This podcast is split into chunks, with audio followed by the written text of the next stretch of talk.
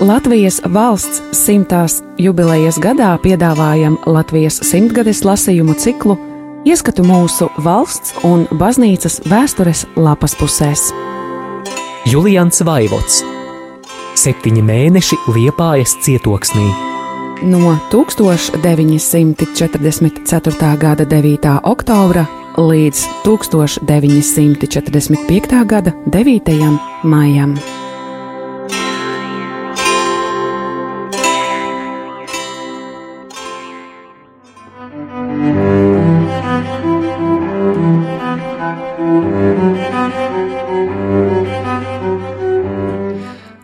1944. gada 26. decembrī. Šodien ir otrie Ziemassvētki un jau pulksten 17. Paldies visaugstajam Dievam, ka deva vēlamu laiku, jo 24. decembrī, kurš šogad iekrita svētdienā, 25. decembrī un arī šodien laiks bija apmācies, un visas trīs dienas uzlidojumu nebija. Toties 23. decembrī Pat trīs reizes vajadzēja iet uz patvērtni. Vismaz miera svētki pagāja mierīgi, un cilvēki tikpat kā netraucēti varēja apmeklēt baznīcas. Un jāsaka, ka tiešām visas dienas dievlūdzēju bija daudz, bet sevišķi Ziemassvētku rītā uz ganu misi biju tik pārsteigts, jo baznīca bija pilna un pilna ar dievlūdzējiem. Kā senos labos laikos, Nekad nevarēju iedomāties, ka vēl tagad Liepājā ir tik daudz katoļu. Laikam visi gribēja savest rēķinus ar Dievu, jo dzīve ir palikusi pavisam nedroša. Ganu mise bija pulksten septiņos. Lūkšanas pie pilna apgaismojuma bija iespaidīgas un sirsnīgas.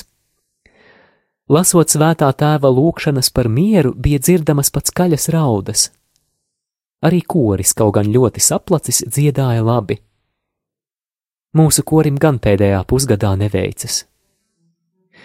Cītīgo koristi Paļecku jau pirms dažiem mēnešiem apcietināja par atļaušanu savā dzīvoklī pārgulēt kādai žīdietei, un tagad viņa ir izvesta uz Vāciju. Nu pat atkal uz pašiem svētkiem esot apcietināts viens kora dalībnieks, it kā par kādu spekulāciju, un kas ar viņu notiks tālāk, nav zināms.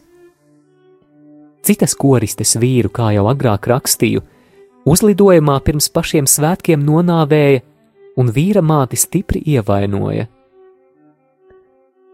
Lai Dievs sargā vismaz atlikušo saujiņu, no kuras viena labākā dziedātāja, kura strādā operā par koristi, kā dzirdu šonadēļ taisoties izbraukt uz Vāciju.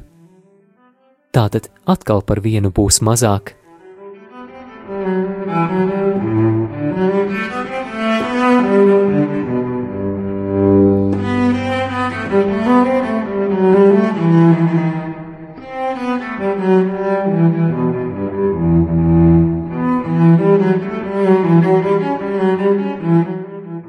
1944. gada 27. decembrī.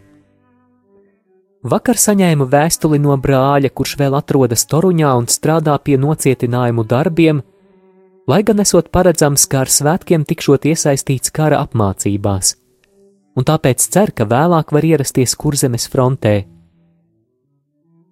Jāizsaka atzinība vācu pasta darbībai, jo pie visa pārslogojuma tā tomēr strādā teicami. 17. decembrī rakstītā vēstule jau 26. decembrī atradās manā pasta kastītē.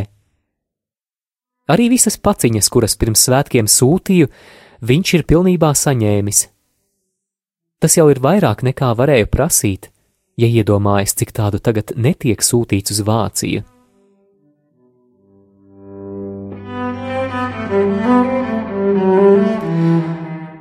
Šodien gan bija dzīva darba diena.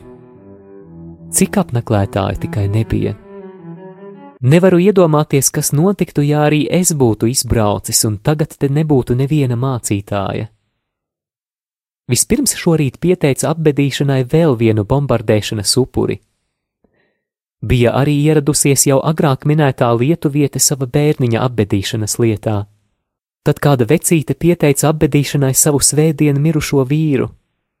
Viņai vēl nav zārka, un izrādās, ka nav arī naudas tā iegādēji, tāpēc iedevu 500 marku, lai dotu iespēju tikt galā ar izdevumiem sakarā ar vīra bērēm.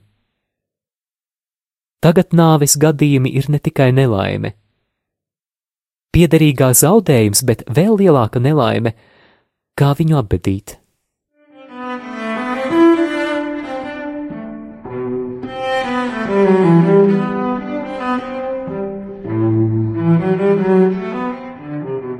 Bija vēl kāda sieviete no Kazdangas pagasta, kura novembrī uz turieni aizbēgusi kopā ar vīru, un vīrs arestēts pēdiņās par dezertēšanu no Tosmares fabrikas, bet pati tur dzemdējusi bērnu. Nav bijis, kas bērnu pieteicis dzimtsarakstu nodaļā, jo pati pēc dzemdībām nopietni saslimusi. Tagad pagasts bērnu nereģistrējot, un viņu sūtījuši pie mācītāja uz liepāju. Tiešām daudz prasīts no nelaimīgās sievietes. Pati vēl pusslima un jābrauc uz liepāju, lai nokārtotu bērna reģistrāciju. Ko zīdainis dara Kazdangā, kamēr māte kavējas liepājā?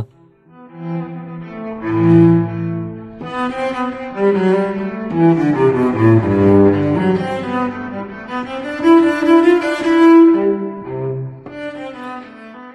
944. gada 28. decembrī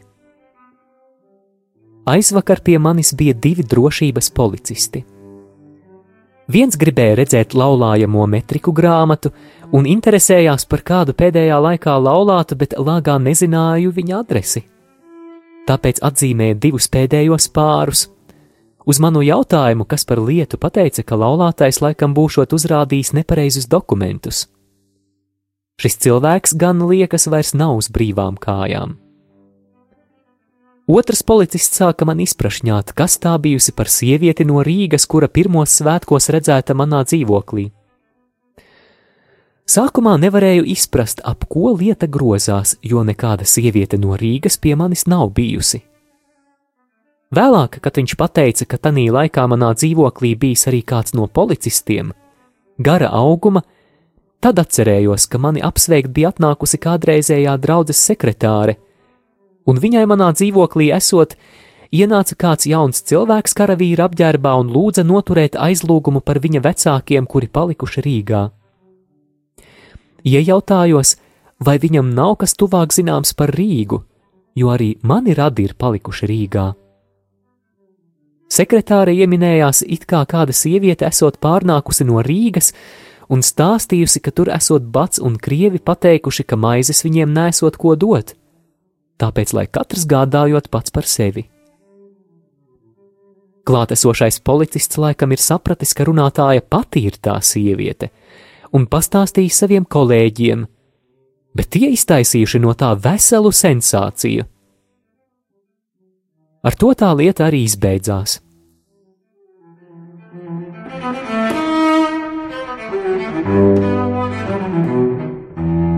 Bet vakarā tas pats policists ir ieradies pie ķestara un sācis izprašņāt. Vai mūsu un citās baznīcās ir kādas kara noliktavas, vai kādi no mācītājiem ir izbraukuši uz Vāciju, cik mācītāju vēl ir, ko viņi darot, vai kur strādājot, un cik cilvēku salasoties uz dievkalpojumiem. Tas gan man izlikās aizdomīgi, ka viņš, dienā būdams pie manis, neko tam līdzīgu neprasīja. Saproti, nu, Cilvēks prasa noturēt aizlūgumu par vecākiem, bet nodarbojas ar spiegošanu. Tiešām mūsu valodai tagad jābūt jā, jā, nē, nē. Kas vairāk, tas ir par ļaunu.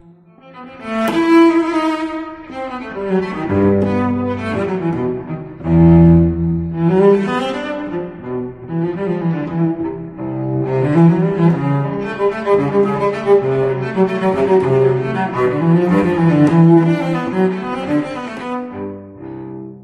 1944. gada 31. decembrī. Šodien ir svētdiena un arī jaungada vigīlija. Laiks bija apmācies, tāpēc uzlidojumu nebija. Dievkalpojums notika netraucēti, kā parastā svētdienā. Vecais 1944. gads no aiziet mūžībā. Vai cilvēces vēsturē vēl ir bijis tik asinskārīgs gads kā aizgājušais gads? Varbūt vienīgi Bībelē aprakstītais plūdu gads ir prasījis tik daudz cilvēku upuru kā 1944. Bet arī jāšaubās, jo tad vispār vēl tik daudz cilvēku virs zemes nevarēja būt.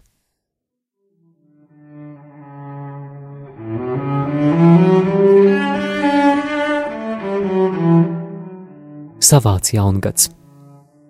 Jo izņemot tikai brāli, kurš izsūtīts uz Vāciju darbos, ne par vienu no saviem radiem nekā nezinu, un pat nav zināms, vai kāds no viņiem ir pie dzīvības, nemaz nerunājot par atrašanās vietu. Tāpēc nezinu, kas ir noticis ar tēva mājām. Vai tur vēl ir kaut akmens uz akmens?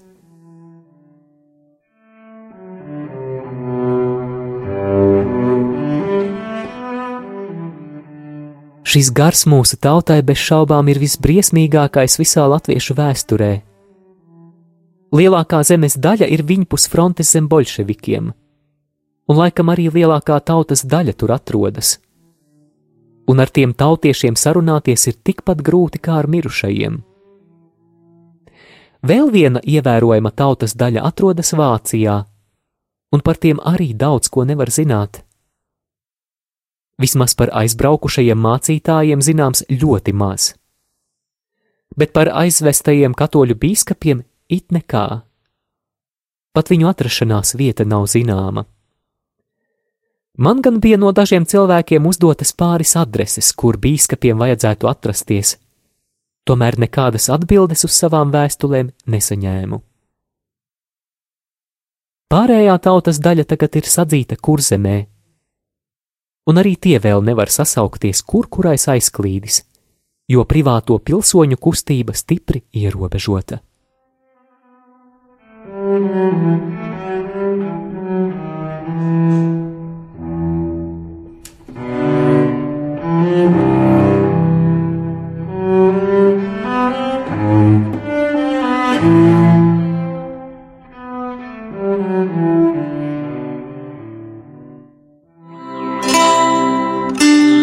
Radio Marija Latvija ēterā Latvijas simtgadēji veltīti lasījumi.